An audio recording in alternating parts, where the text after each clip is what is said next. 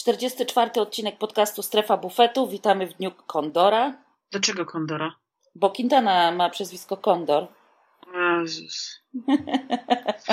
Jezu, nie ma to jak po prostu zacząć y, podcast od sucharu, a miałam się zacząć zupełnie inaczej, bo miałam ładnie powiedzieć Buenas tardes, señoras, señores i señoritas. No, a ty mnie żeś po prostu kondorem dobiła, no. No, no ale dobrze, co, no, to, to był dzień Quintany, no dzień Kitany, jak, jak go nazywają kondorem, no to super, nie? Dzień Kondora, taki film był kiedyś. Nie, no spoko, tylko że jakby pierwszą rzecz, którą mi wysłałaś y, w zasadzie po tym etapie, to wcale nie był Dzień Kondora i, i radość z wygranej Kondora, ale złośliwa informacja, że y, Nico Roach założył koszulkę lidera. No tak. Bardzo uszczypliwe. No tak. Y, Wobec Roacha, który jest jednym z bardziej inteligentnych kolarzy w peletonie. I ta koszulka mu się po prostu należała. Tak, no należała mu się ta koszulka, też przypadkowo trochę, bo tam Wilko Kelderman został, tak. Y, a to, to była kwestia tego, że kolarz Sunwebu mógł ją zgarnąć. Mógł ją zgarnąć, tak. No i super. Y, faktycznie to jest bardzo inteligentny kolarz, ja go bardzo lubię jako postać mówi we wszystkich językach świata, a konkretnie żartuję trochę, ale widziałam dzisiaj wywiad z nim po francusku, po hiszpańsku i po angielsku. Podobno mówi też świetnie po włosku. To jest taki krychowiak kolarstwa, bo krychowiak ostatnio wywiadu po rosyjsku udzielał. No proszę. Jak wiemy, że też jest piśmienny e, we francuskim i hiszpańskim między innymi. No to Nicolas Roach fajnie, super. Oczywiście on tę koszulkę wkładał na tej Vuelcie, która nie poszła Rafałowi Majce i miało być odwrotnie, że Roach miał pracować na Majkę jeszcze w Tinkoff. Mm, wtedy to jeszcze było Saxo Tinkoff.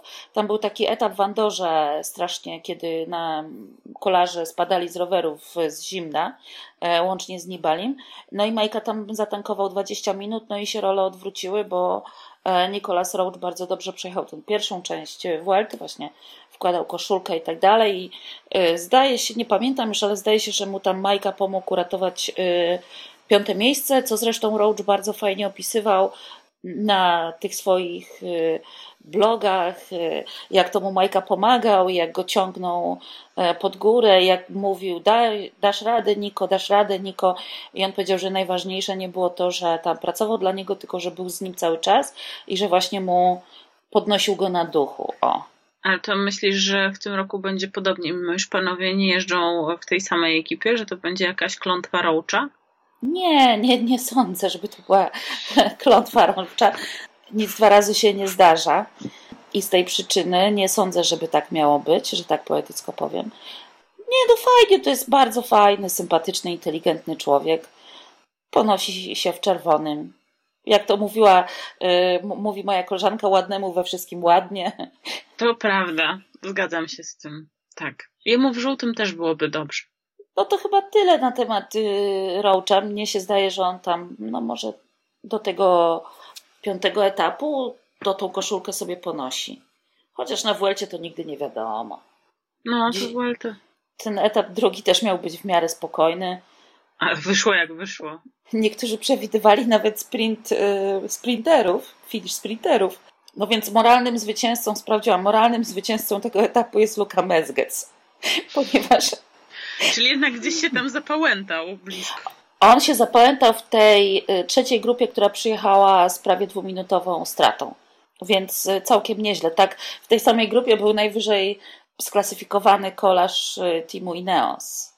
No, Team Ineos, właśnie ciekawa jestem też Teamu Ineos. Już co mieli pokazać, to chyba dzisiaj pokazali, bo się skutecznie wygumkowali z klasyfikacji generalnej, zarówno Wout Puls, jak i Theo Geoghan. Ja tam nie wiem, co się wydarzyło. Może tam była jakaś kraksa, o której my nie wiemy. Nie wiem, ja sprawdzałam. Próbowałam się dowiedzieć, co się wydarzyło, że oni zatankowali po 10 minut, ale nie wiem, co się wydarzyło. Być może jest tak, że oni są po prostu chorzy. No już była taka Vuelta, że jakiś wirus dziesiątkował peleton e, i wtedy z kolei Rafał Majka zatankował właśnie na pierwszych etapach e, dosyć sporo i to było bodajże w ubiegłym roku, kiedy on próbował bezskutecznie wygrać e, etap. Albo to było w 17 roku, wtedy kiedy wygrał etap, już nie pamiętam. Vuelty się mylą ze sobą wszystkie. Więc no mówię, mnie się zdaje, że po prostu oni muszą być niezdrowi bo nie no, widzę innego coś tam, powodu. Coś tam musi być, zwłaszcza, że Teo był w bardzo dobrej formie na, na Tour de Pologne.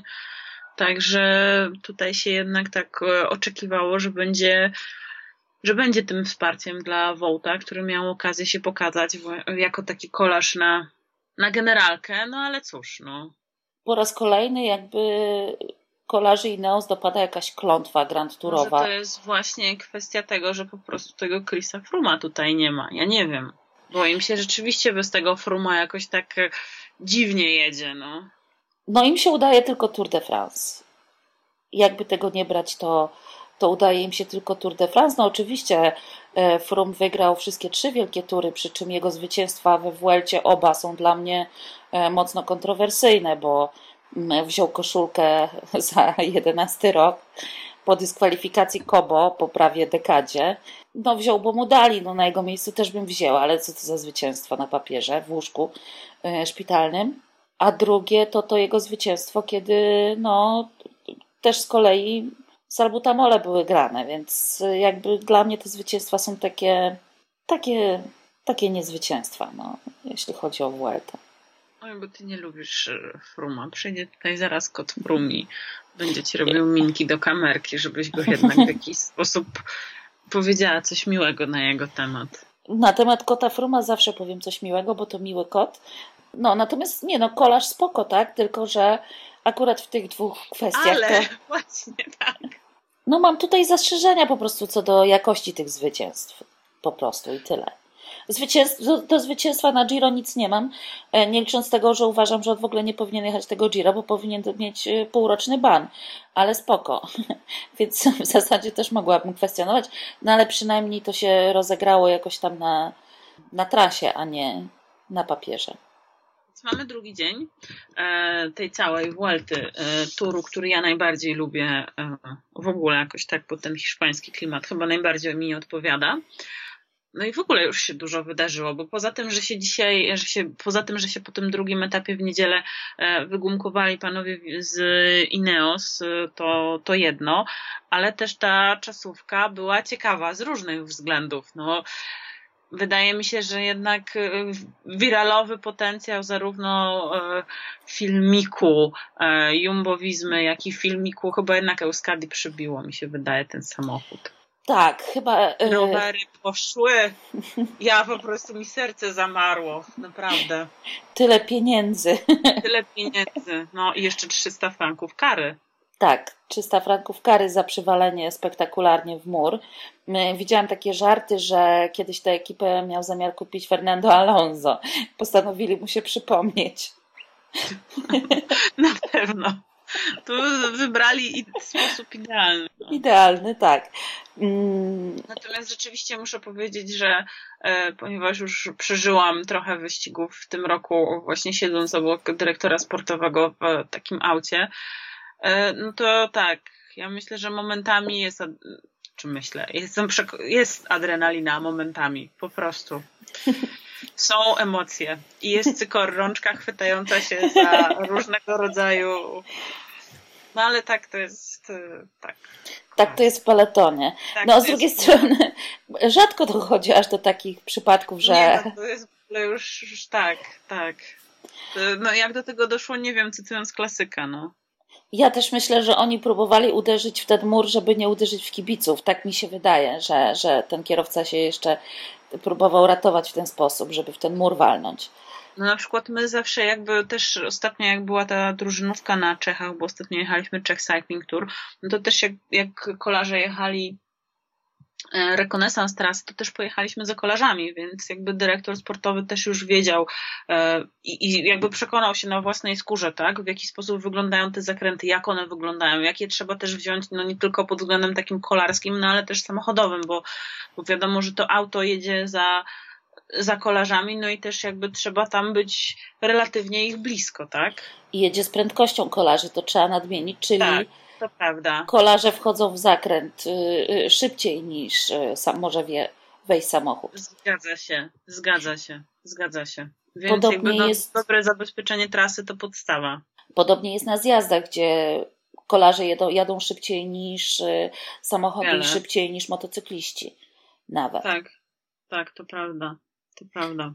Oni się po prostu inaczej składają trochę na tym rowerze niż ci na innych środkach lokomocji spektakularne był jeszcze ta wielka kałuża, przez którą wywaliła się Jumbo Visma. Tak. Nie wiem, czy to prawda, ale podobno to był jakiś basen taki ogródkowy, dziecięcy, który się po prostu, nie wiem, rozszczelnił i wylał y, na drogę. No to jest aż niesamowite w ogóle. Tak, i jak zwykle y, y, nieprzebierający w słowach George Bennett powiedział, że nie przypuszczał, że na trasie będzie musiał przejechać przez Mississippi. Karma wróciła do niego. Tak mi się wydaje. Ja tego Niech kolarza strasznie lubię właśnie ze względu na to, sobie że... przypomnę. Ja, ja go lubię ze względu na właśnie jego cięty język i poczucie humoru. Uważam, że jest dowcipnym gościem. Natomiast strasznie się wściekli kolarze Dekenika, bo z kolei oni musieli omijać samochód Jumbowizmy zaparkowany i Filip Gilbert uważa, że przegrali właśnie przez samochód Jumbowizmy. I też no, ale... nie przebierał w słowach na mecie. No tak, no ale to też jakby umówmy się, że jakby już ekipa Dekenik, no jakby powinni też się w jakiś sposób no, cieszyć, że też jakby no, nic gorszego ich nie spotkało na tej trasie, tak? Bo, bo jednak no, jest to dosyć e, niecodzienna sytuacja w momencie, kiedy trzeba w takich okolicznościach wymieniać zarówno samochód, jak i jeszcze gdzieś tam pewnie e, leżących kolarzy w jakiś sposób, czy, czy nawet gdzieś tam ci mechanicy wymieniający rowery, no wydaje mi się, że mimo wszystko suma summarum e, ekipa Dekenik wyszła z tego całkiem przyzwoicie, no. Przynajmniej no wiadomo, się nie wywrócili. Tak, tak, tak. No i też moim zdaniem, że jakby też na tyle fartownie upadli kolarze jumbowizmy, że całe szczęście, że po prostu no jadą, jadą dalej wszyscy w tym wyścigu. Tak samo. Bo to jak... też mogłoby się skończyć bardzo niebezpiecznie, tak? No rzeczywiście absurdalna sytuacja, że e, pęgł dziecięcy basenik, jeśli to jest prawda. E, no ale no taka pierdoła mogła no, no kosztować, czy, czy ten, wy, ten wyścig któregoś z kolarzy de facto, tak? Mogli już się pożegnać z tym wyścigiem e, w sobotę. Tak jak na przykład niektóre panie z, z pyskami też przychodzą, to ja zawsze po prostu tak. jak widzę te panie, to no, ale Team Emirates nie potrzebowało Mississippi, żeby się wywrócić. E, natomiast Fabio Aru dzisiaj odżył. Po tym drugim etapie widziałam jakieś bardzo emocjonalne wpisy Życie. na Twitterze. Tak. wpisy na Twitterze, że wszystko wraca do normy, że wszystko jest super, że odrobił, że to, że tamto.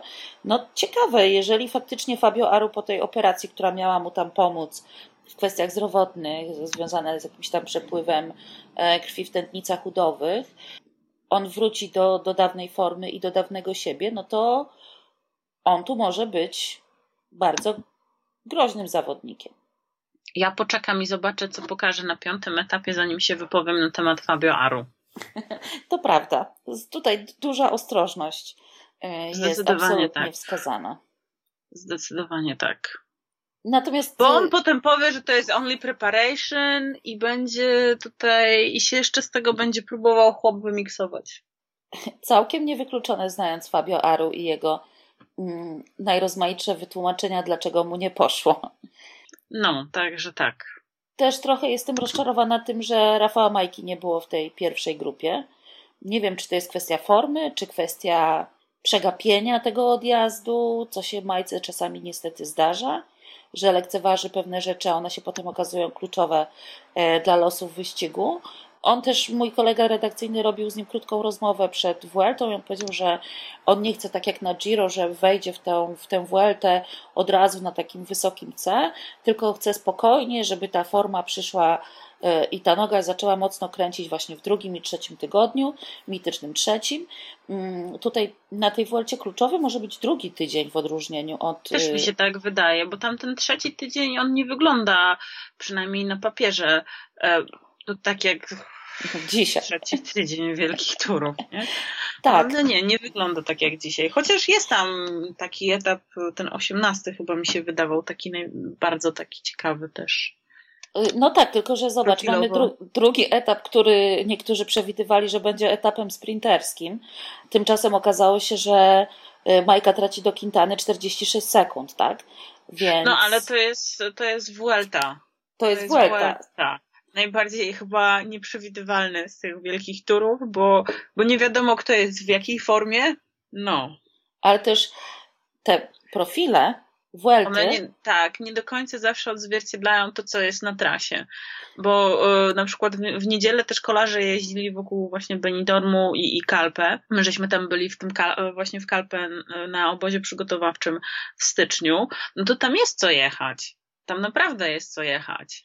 Jest co jechać. Tak, ja też byłam w Kalpę i też jakby widziałam trening kolarzy jeszcze wtedy Quickstepu. To był ten rok, kiedy Michał Kwiatkowski był w tęczowej koszulce i byłam właśnie na kilka dni w Kalpę pogadać tak naprawdę z mistrzem świata, y, czyli zrobić wywiad. I no tak, tak, tak, tam, tam jest co jechać i, i wbrew pozorom to, to nie są tereny płaskie. Natomiast to, mnie się Kalpę niesłychanie podoba. Jest ponoć koszmarne latem. Moi znajomi byli latem e, w Kalpę ja i w tych okolicach. Tak, tak, też mi się wydaje, że Kalpe to jednak nie jest dobre miejsce latem, no chyba, że po prostu e, lubisz tłumy, dzikie, dzikie tłumy turystów z Anglii bo tam jest naprawdę wiele hoteli i o ile w styczniu to się wydawało no takie troszeczkę bardzo wymarłe e, miasto, to, to wydaje mi się, że właśnie latem musi być tam po prostu horror totalny. Taki hiszpański Sopot można powiedzieć, ale właśnie zimą w styczniu na rower idealne. Ja też byłam w styczniu i najbardziej podobało mi się to, że można było chodzić na krótki rękaw. Słońce wschodziło około 8 rano, a zachodziło o 18.30. No I... właśnie chciałam powiedzieć, że strasznie późno tam słońce wstawało, jak ja byłam. No bo to jest dale, daleko już na zachód, tak, więc to też ma tak, znaczenie. Tak, tak. Ale też i co było fajne, że na przykład woda w morzu była na tyle ciepła, że można było sobie pomoczyć nogi, jak ja to mówię, czyli przespacerować się tak po piasku gdzieś tam e, brzegiem, brzegiem morza. No i jak dla mnie bomba. Mówił mi Michał Gołaś kiedyś, że w Kalpę w lutym ponoć jest niezbyt dobra pogoda, bo w lutym często pada. Ja byłam Ale w styczniu, to można słońce na Majorkę można wtedy. Można Chociaż przenieść. Y, George Sand napisała książkę nienawistną wszystkim Majorkińczykom, czyli Zima na Majorce, y, bo jak ona tam siedziała z tym Chopinem, to opisywała, że codziennie pada, jest zimno, obrzydliwie i Majorka jest w ogóle straszna. Myślę, że powinni to uwzględnić na bookingu. Tak. Jak tam, czy na, no, na jakimś tam tym, w jakiejś aplikacji podróżniczej. Zdecydowanie ta opinia powinna być uwzględniona jako jedna gwiazdka, albo nawet tak. niepełna jedna gwiazdka. Tak, zdecydowanie. No dobra, to wracając już może jednak tak do, te, do tematu, bo chyba trochę. E, Odpłynęłyśmy. Nawet, nawet nie chyba. Odpłynęłyśmy, mimo że ja nie umiem pływać wciąż. Środa będzie ciekawa, bo to już się rzeczywiście powinno coś zacząć dziać, chociaż zaczęło się dziać już w niedzielę. To tej środy jestem rzeczywiście ciekawa. Y, ja też jestem ciekawa, chociaż y, ja tutaj powiem tak jak Peter Sagan, że y, na Vuelcie trzeba żyć każdym dniem, bo nie wiadomo co Peter się Sagan wydarzy. na każdym wyścigu mówi, że trzeba żyć każdym dniem i że następnego dnia jest etap. Tak. No, no to racja, to racja, no. No być może jutro w tym Alicante faktycznie dojdzie do masowego sprintu w końcu. Chociaż tam też jest taka hopka przed metą, więc to nigdy nic nie wiadomo. Totalnie płaski jest, jest końcówka e, etapu czwartego, ale tam z kolei, no tak sporo do mety jest taki podjazd, jak pięciokilometrowy, jak będą go chcieli podjechać mocno, to też żaden sprinter nie dojedzie. No jak to na Vuelcie. No i tutaj. Biedni ci sprinterzy, no. Biedni Ale to wiadomo, ci... że tam zawsze po prostu te, ci, co, ci, co jeszcze próbują coś dla siebie upolować, żeby odzyskać twarz w sezonie. Natomiast ja proponuję na takich etapach przyznawać moralnego zwycięzcę, czyli e, patrzeć, który sprinter jest najwyżej w klasyfikacji generalnej, tak jak Luka Mezgec po drugim etapie, no i, i sprawdzać, kto tam się utrzymał e, możliwie, możliwie najdalej. Możemy. Możemy na tym etapie piątym to już tak, że tak powiem, będzie taki odsiew tych takich przypadkowych, których tam, którym tam trochę dobrze poszło na początku, bo jeszcze nie było aż tak bardzo trudno, a tych, którzy naprawdę są w formie. I że tutaj już ta klasyfikacja generalna powinna nam się tak dosyć, dosyć yy, ukształtować. Jeszcze też bardzo ciekawe jest to, ja wiem, że ty nie jesteś yy, fanem czasówek pod koniec, yy, w przeciwieństwie do mnie, ale też ta czasówka mi się wydaje indywidualna będzie, będzie ciekawa, no bo będzie po pierwszym dniu e, przerwy. Więc no Rafał Majka tego nie lubi. Myślę, że nie, jakby część zawodników też e, e, raczej nie, nie przepada za jazdą indywidualną na czas e, właśnie po dniu przerwy, więc to też może ciekawie wyglądać. No Rafał Majka za, zazwyczaj po dniu przerwy jedzie słabiej. Ja tu jeszcze do tego czasówka.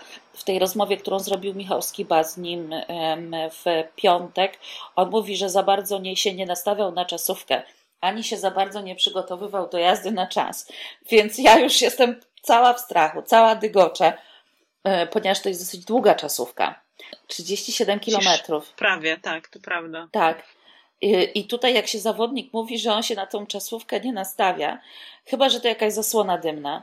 To ja jako e, rzecznik prasowy ekipy po prostu, jak słyszę coś takiego, to dostaję palpitacji serca. Być może dlatego y, pani Nadine y, nie dostaje palpitacji serca, bo po prostu nie rozumie. Nie rozumie to raz, a dwa, y, być może dlatego takie stara się odgrodzić Majkę od dziennikarzy w sumie. No, jest to jakiś sposób. Zawsze można się nauczyć języka polskiego. Oczywiście tak. E, pani Nadine zachęcamy do nauki języka polskiego. Nie wiadomo kiedy się przyda, także ten. Ciekawe, Nikolasowi Roachowi też można zasugerować, żeby nauczył się języka polskiego, bo mm, jest poliglotą, więc e, każdy kolejny język powinien przychodzić mu ja łatwiej. myślę, że Roach nie miałby z tym problemu. No też myślę, żeby się nauczył. W znacznie większym stopniu niż Mark Cavendish, który potrafił powiedzieć coś w rodzaju jak się masz albo inne tego rodzaju. E, proste zwroty. Myślę też, że inne e, polskie proste zwroty, troszeczkę takie niedocytowania też e, Mark Cavendish poznał. Myślę, że tak. Wracajmy do Vuelty, bo jakoś odpływamy i dryfujemy po, bez, bo, po bezkresach po prostu sucharów. Więc wróćmy do Vuelty. Wiemy już, że Rafał Majka, tak jak z tego co mówisz, nie przygotowywał się na czasówkę. Znaczy, ja w ogóle jak przeczytałam tę rozmowę z nim, którą zrobił Skiba, to uznałam, że złapałam się za głowę i pomyślałam sobie, matko jedyna, to będzie jakaś straszna Vuelta w wykonaniu Majki. A może on go chciał po prostu wkręcić? Nie, nie, nie sądzę. Myślę, że to raczej taka dezynwoltura Rafała Majki. On ma takie dwie strategie podchodzenia do wyścigów i do dziennikarzy, że albo zapowiada, że będą fajerwerki, i że jaki to on jest silny i tak dalej, albo właśnie jakby wszystko obraca w żart. I być może to jest też jakby strategia mierzenia się ze stresem troszeczkę, tak? No pożyjemy, zobaczymy, no. Tak. Jak to tam będzie wyglądało. Mówię, ja dzisiaj byłam rozczarowana, że ani on, ani Davide Formolo mm, do tej pierwszej grupy się nie załapali, bo jednak y, powinni w niej być. Bo jednak mimo wszystko ta strata do Kondora no to robi się dosyć spora już w tej chwili. No ale dajmy jeszcze szansę, to jest dopiero naprawdę drugi etap. Nairo też jest znany przecież ze swojej myśli taktycznej. to prawda. Także ja w ogóle tutaj Frumciu, chodź, nie bój się. Widzisz? Jak jest Quintana, to on nie lubi chyba. A, przyszedł. Widzisz? No chodź. O. Wracając do myśli taktycznej Movistaru, to mm, Jumbo Visma zaczęła się odgrażać, że chce, chce stworzyć taki zespół na miarę Ineos. Um, Będzie, będą mieli większy budżet. I to moim zdaniem rzeczywiście będzie ciekawe.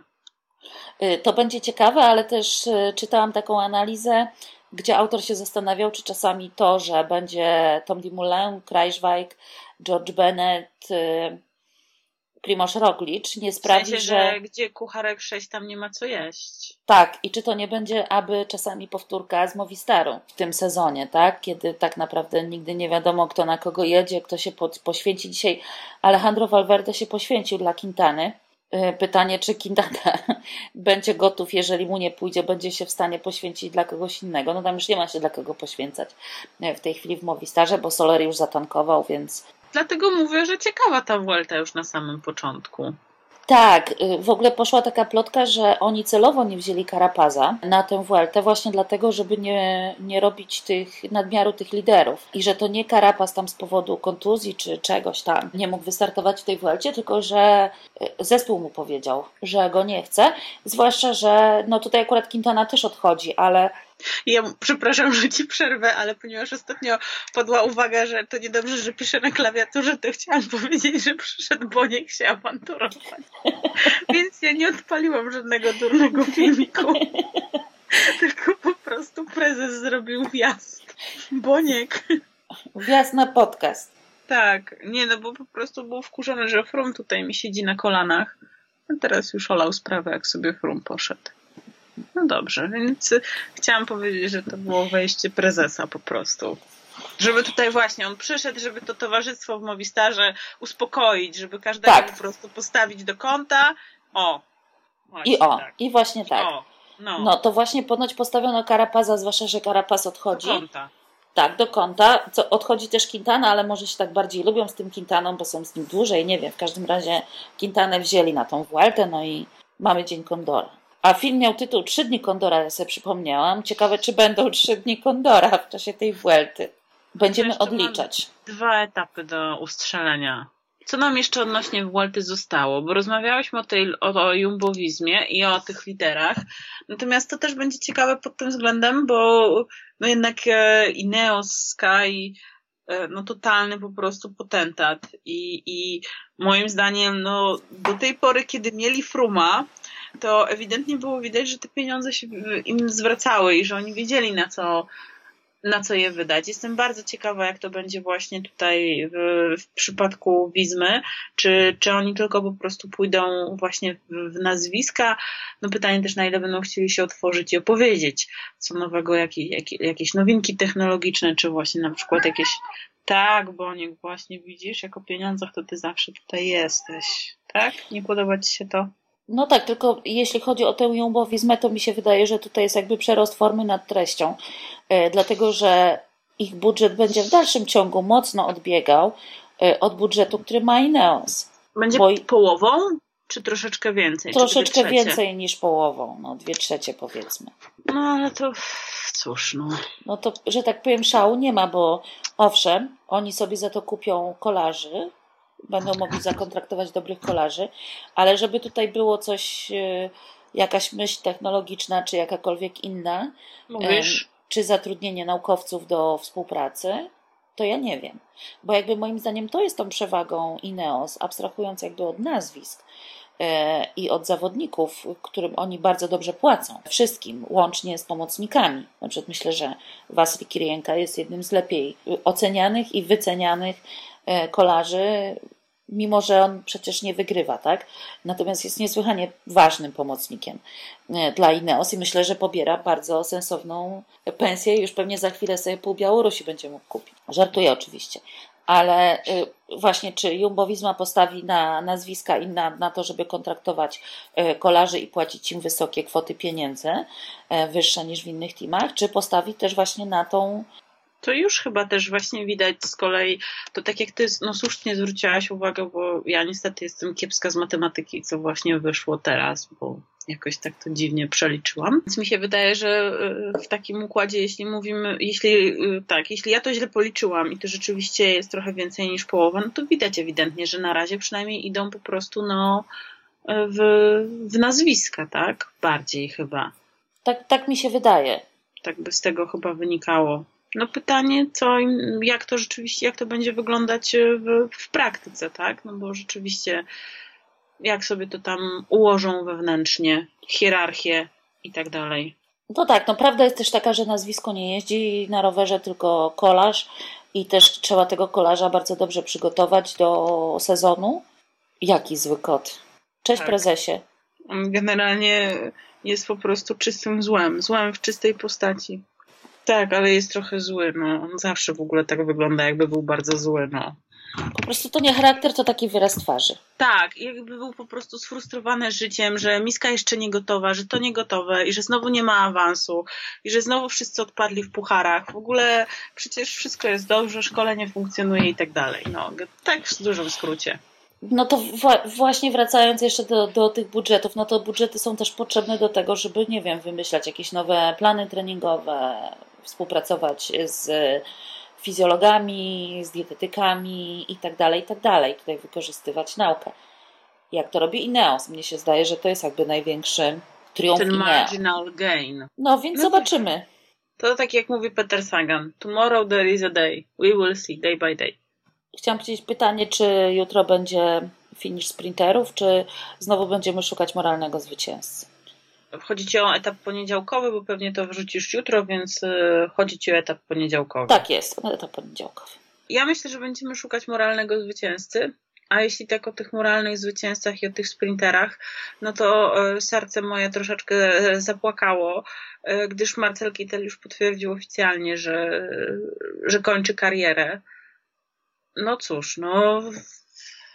No, powiem tak, żywot sprinterski jest zdecydowanie e, krótszy niż w przypadku na mhm. przykład e, panów, którzy są pomocnikami, tak? Bo no, Davide Rebelin chociażby, czy Alejandro, tak? Jakby... No tak, tylko że tutaj w przypadku Marcela to chyba zdecydowały też mocno względy osobiste. E, mnie się zdaje, że on gdzieś poczuł w ostatnim sezonie jakiś taki rodzaj wypalenia kolarskiego zaangażował się w inne dziedziny życia. Tam chodziły o nim różne plotki, o których kiedyś mówiłyśmy, że niezbyt sportowo się prowadzi.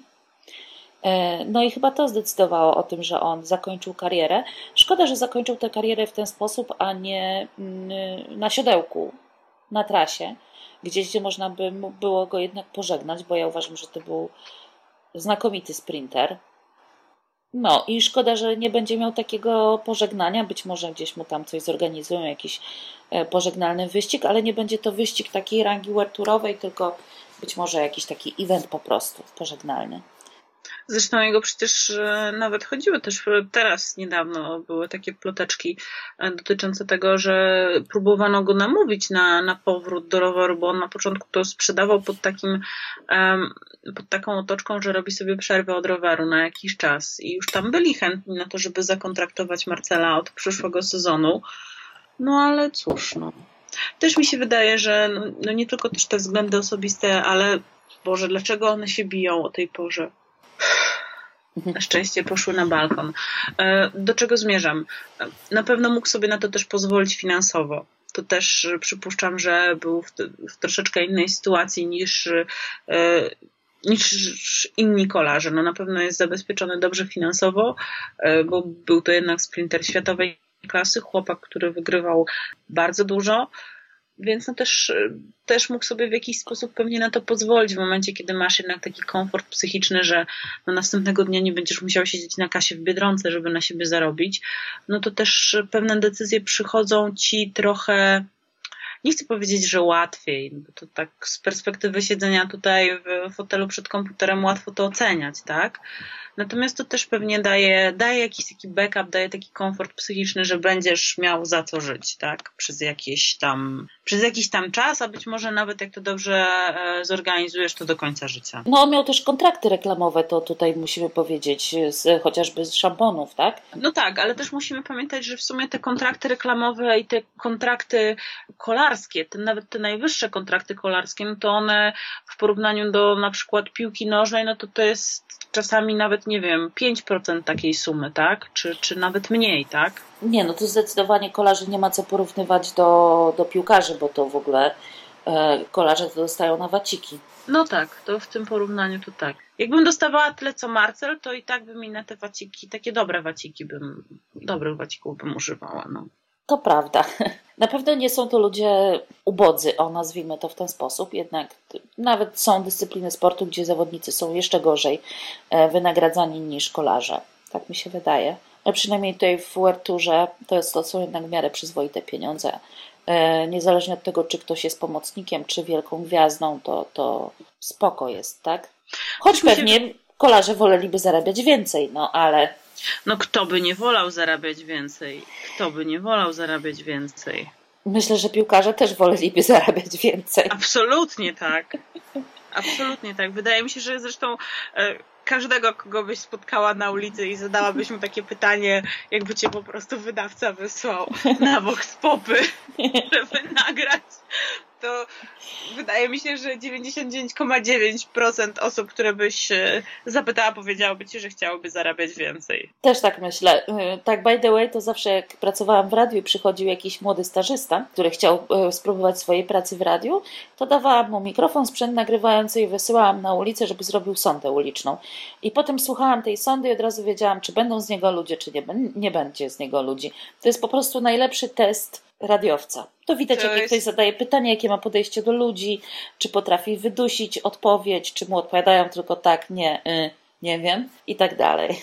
Myślę, że to jest też dla każdego stażysty w mediach, ponieważ ja też miałam, też przez to przeszłam. I najgorszą sondę, jaką kiedykolwiek w życiu zrobiłam, to była sonda na temat y, tego, e, w jakiej walucie posiada pan, pani kredyt i dlaczego nie w obcej, albo dlaczego nie w złotych, a może dlaczego nie we franku, albo dlaczego we franku. No, więc to było straszne.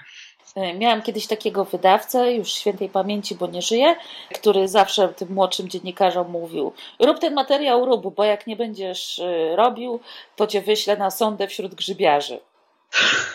Tak, sądy były momentami postrachem. Zwłaszcza jak się miało właśnie kreatywnego wydawcę, który na przykład właśnie sobie zażyczył taki temat jak te kredyty frankowe i trzeba było przywieźć sądę i to, no...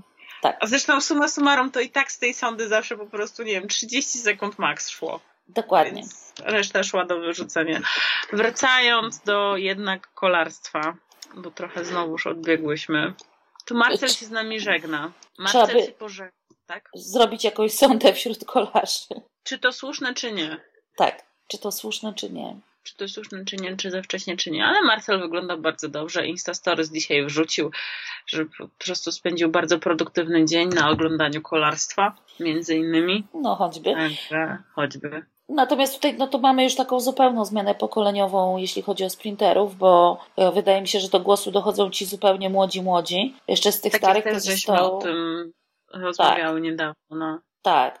Na Vuelcie mamy Johna Degenkolba. Jest taki fajny dziewiętnasty etap. A może, a może, bo tam jest po bruku i pod górkę. I może to dla Degenkolba? Tak, to dla Degenkolba. To zapisujemy. dziewiętnasty etap dla Degenkolba. Tak. Dobrze, tak, tak, tak, to zróbmy to, zapiszmy. I co? I chyba będziemy kończyć, bo o tym, że tam Bradley Wiggins zamyka swoją ekipę i prowadzi się niesportowo, to chyba tam, bo ty mi dzisiaj też wysłałaś jakiś taki filmik. To zdjęcia e, były. Zdję, print screeny po prostu szpiegujące. No ale to jest Sir Bradley Wiggins. Ja myślę, że jemu są w stanie e, niektórzy kibice, ci, którzy są za, w tej grupie za, są w stanie dużo wybaczyć no powiedzmy jasno, co było na tych print screenach, mianowicie Bradley Wiggins przypalał sobie papieroska i gdzieś tam stał i palił, co zostało patrzone komentarzem, że y, były kolarz, y, astmatyk i tak dalej, a pali papierosy. No, różne są koleje losu. Może mu przeszła ta astma, kiedy przestał się ścigać. W każdym razie Wiggins miał też ekipę kontynentalną e, i ona miała być właśnie też takim, miała być też taką ekipą, która kształtowałaby właśnie młodych, zdolnych, e, głównie brytyjskich kolarzy. Na początku, z tego co pamiętam, to przez parę sezonów oni nawet jeździli w Pro Conti. Tak. No ale niestety tutaj Wigginsa przytłoczyło, dopadła szara rzeczywistość dopadło życie i, i zamyka ekipę. Ekipa ma się pożegnać na Tour of Britain i kilku zawodników z tej grupy szuka y, nowych, nowych zespołów, między innymi Pitcock, y, który musiał się wycofać z Tour de l'Avenir, bo miał kraksę, a szkoda, byłam ciekawa, chciałam go zobaczyć w tym wyścigu, bo to jest interesujący zawodnik. No a wracając do Tour de l'Avenir, to Attila Walter wygrał etap, bardzo brawo. Tak, jak zadzwoniłam do niego, żeby tam e, przyspieszyć, ponieważ pytano się mnie, kiedy będzie wypowiedź, zadzwoniłam, to powitał mnie słowami cześć Ela, więc już też po polsku bardzo ładnie zaczyna mówić nam Attila no fajnie wygrał, no co, co ja tutaj mogę dużo powiedzieć, no fajnie wygrał. Był moment rzeczywiście zawahania, kiedy go poprowadzono w złą stronę i co też ciekawe, e, myśmy mieli bardzo podobną sytuację na wyścigu na Węgrzech, gdzie e, Marszal też pokierował niektórych zawodników właśnie e, w inną stronę niż powinien i chyba nawet właśnie w tej grupie była Tilla, tak mi się wydaje. No, I potem musieli zawracać właśnie jakoś. Tak, ja nie pamiętam, ale to, to na Katalonii się chyba też ostatnio zdarzyło. I tam któryś z kolarzy, Bora Hansgrohe, już nie pamiętam, czy to był Milberger? No nieważne, w każdym razie on przez to stracił y, ileś tam sekund i z jego drużyna złożyła odwołanie i uwzględniono to, jakby zaliczono mu ten czas grupy, no, w której jakby i tak by przyjechał na metę. No, no tak. Może w ten tak, sposób. Tak, tak. A nie, a nie jakiejś innej. No a tutaj yy, Attila mógł stracić yy, zwycięstwo, no ale szczęśliwie tam go gonił ten Tobias Foss, też ciekawy zawodnik, na kontrakcie już w Jumbowizmie i no, będziemy mu się przyglądać. To dobrze. Już się wszyscy przyglądają, także... Mówisz o Attili? Tak. A, okej. Okay. mówiłaś. O tym Fosie, ale no Attili Ach. też... Attili też się oczywiście przyglądam. Wygląda na interesującego kolarza. Co ciekawe, no to te Węgry startowały w tym Tour de l'Avenir. To jest kraj, w którym nie ma jakichś specjalnych kolarskich y, tradycji. I może właśnie, nie wiem, ta tradycja no tak, kolarska teraz... się rodzi.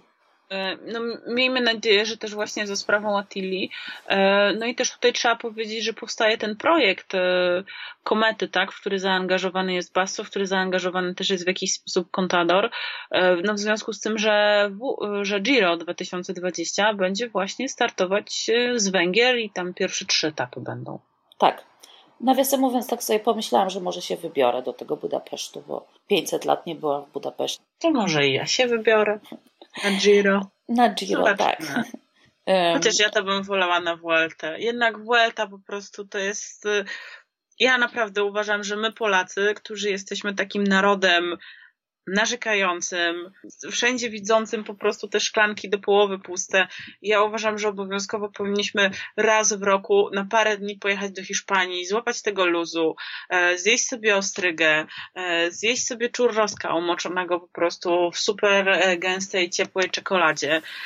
No, zjeść sobie po prostu bocadilla z hamonem, z hamonem i queso krewetki, napić się ten kieliszek wino tinto i po prostu poczuć, że się żyje ja pamiętam właśnie, jak byłam w Kalpę, to się wybrałam na taki spacer i trafiłam na jakieś takie przedmieścia y, kurorciku, gdzie siedziała przed domkiem y, jakaś taka patologia, typu tam jakieś, no jakiś taki gościu w siatkowej koszulce pił piwo i z jakimś innym gościem tam gadał i tak dalej.